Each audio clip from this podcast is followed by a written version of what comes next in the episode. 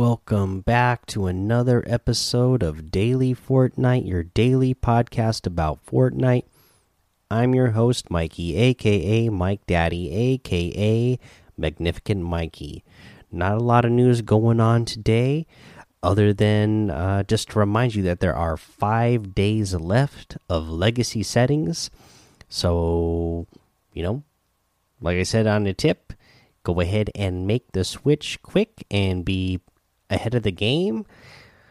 Or if you just really want to use that L2 so bad, then you, you know still have five days left to do it. But yeah, other than that, you know, just like it has been the last couple of months now, the weekends seem to be pretty slow uh, news wise in the world of Fortnite. So uh, let's go ahead and move on to a challenge tip. Oh, let's do the challenge where you need to destroy structures with propane tanks, 10 in total. You're going to find the propane propane tanks to destroy a bunch of them at the rig. That is all the way down in B7.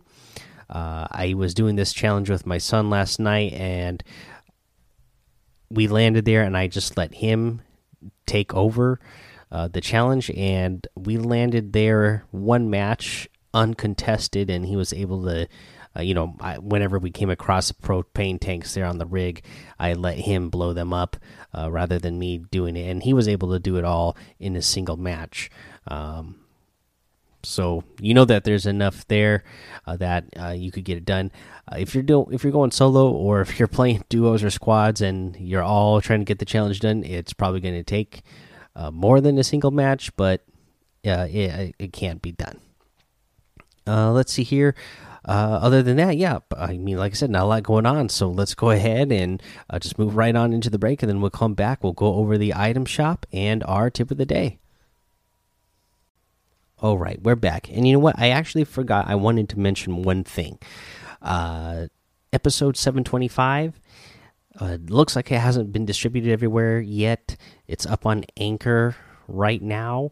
I don't know if this episode, episode 726, is going to work correctly. I, I spoke with Anchor uh, support team, and it looks like they were, uh, you know, having some issues with distribution. So hopefully, you know, everything's going to be back up to running normal soon, so that uh, everything will go back out on all the other platforms. And if this episode also doesn't go out on all the platforms, you're probably not hearing this if you're uh, wanting to listen to others.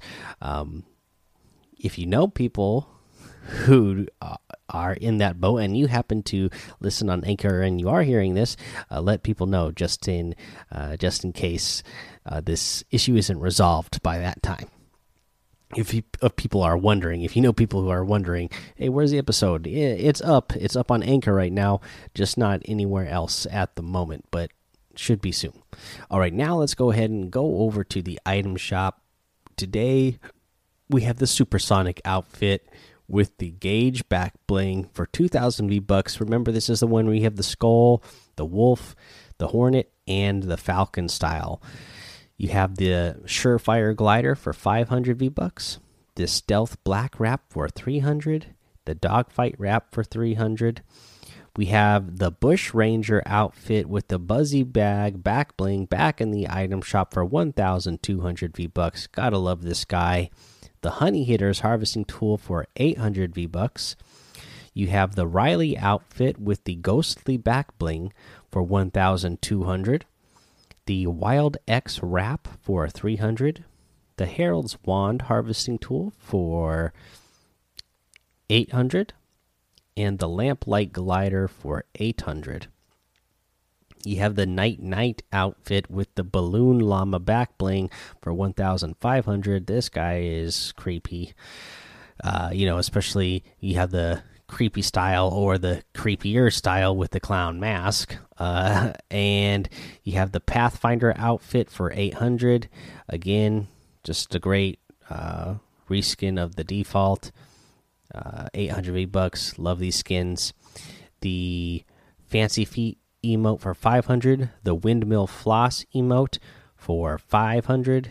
The Revel emote for 200 and a new squared stream wrap, and it is uh, black is the base color with red highlights, and the front of your weapon there's a bunch of red squares, and then they kind of uh, float and flow towards the back of your uh, weapon.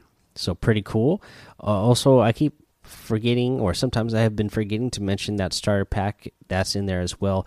But for the rest of these items, if you want to get them, you can use code Mike Daddy M M M I K E D A D D Y in the item shop, and some of the proceeds will go to help support the show.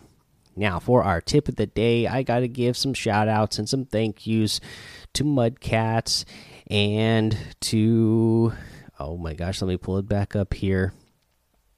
Uh, because, uh, you know, I need a little bit of help thinking of some tips today. I might have been a, a little bit out of it you know, even though I knew today was daylight saving times, I might have stayed up a little bit too late uh, the night before playing video games and uh, had to be to work early the next morning.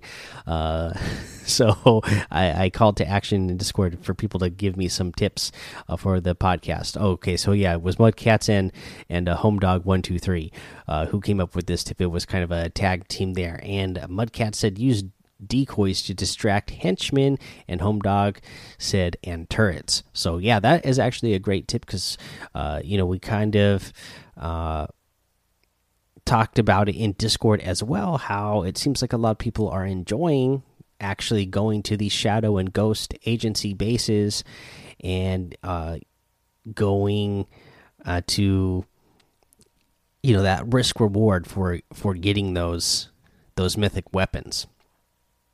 And uh, you know the problem is you got the henchmen and the turrets but you use those decoys to distract them uh, especially the turrets. You can distract the turrets with the with the decoy and they won't even turn to look at you and then you don't have to worry about uh, you know trying to hide beside behind something and right peek or uh, you know crouching in uh, out of the way to shoot real fast uh, you, you, can just throw that decoy. They'll go after the decoy, and you can take them out. Um, now, uh, it and it was made by the point by Mudcats is that you know it seems to be the decoys are pretty much the whole reason why they're in the game is to distract henchmen and turrets because they don't really work that well on you know other human players uh, I have found. Uh, you know, every once in a while you run into somebody who gets really fooled by it, but most of the time, no.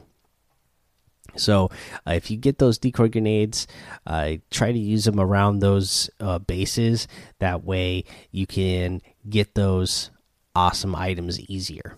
All right, guys, that's the end of the episode. Go join the daily Fortnite Discord and hang out with us. Follow me over on Twitch, Twitter, and YouTube. Mike Daddy on all of those. Head over to Apple Podcasts, leave a five star rating and a written review for a shout out on the show. Make sure you subscribe so you don't miss an episode. And until next time, have fun, be safe, and don't get lost in the storm.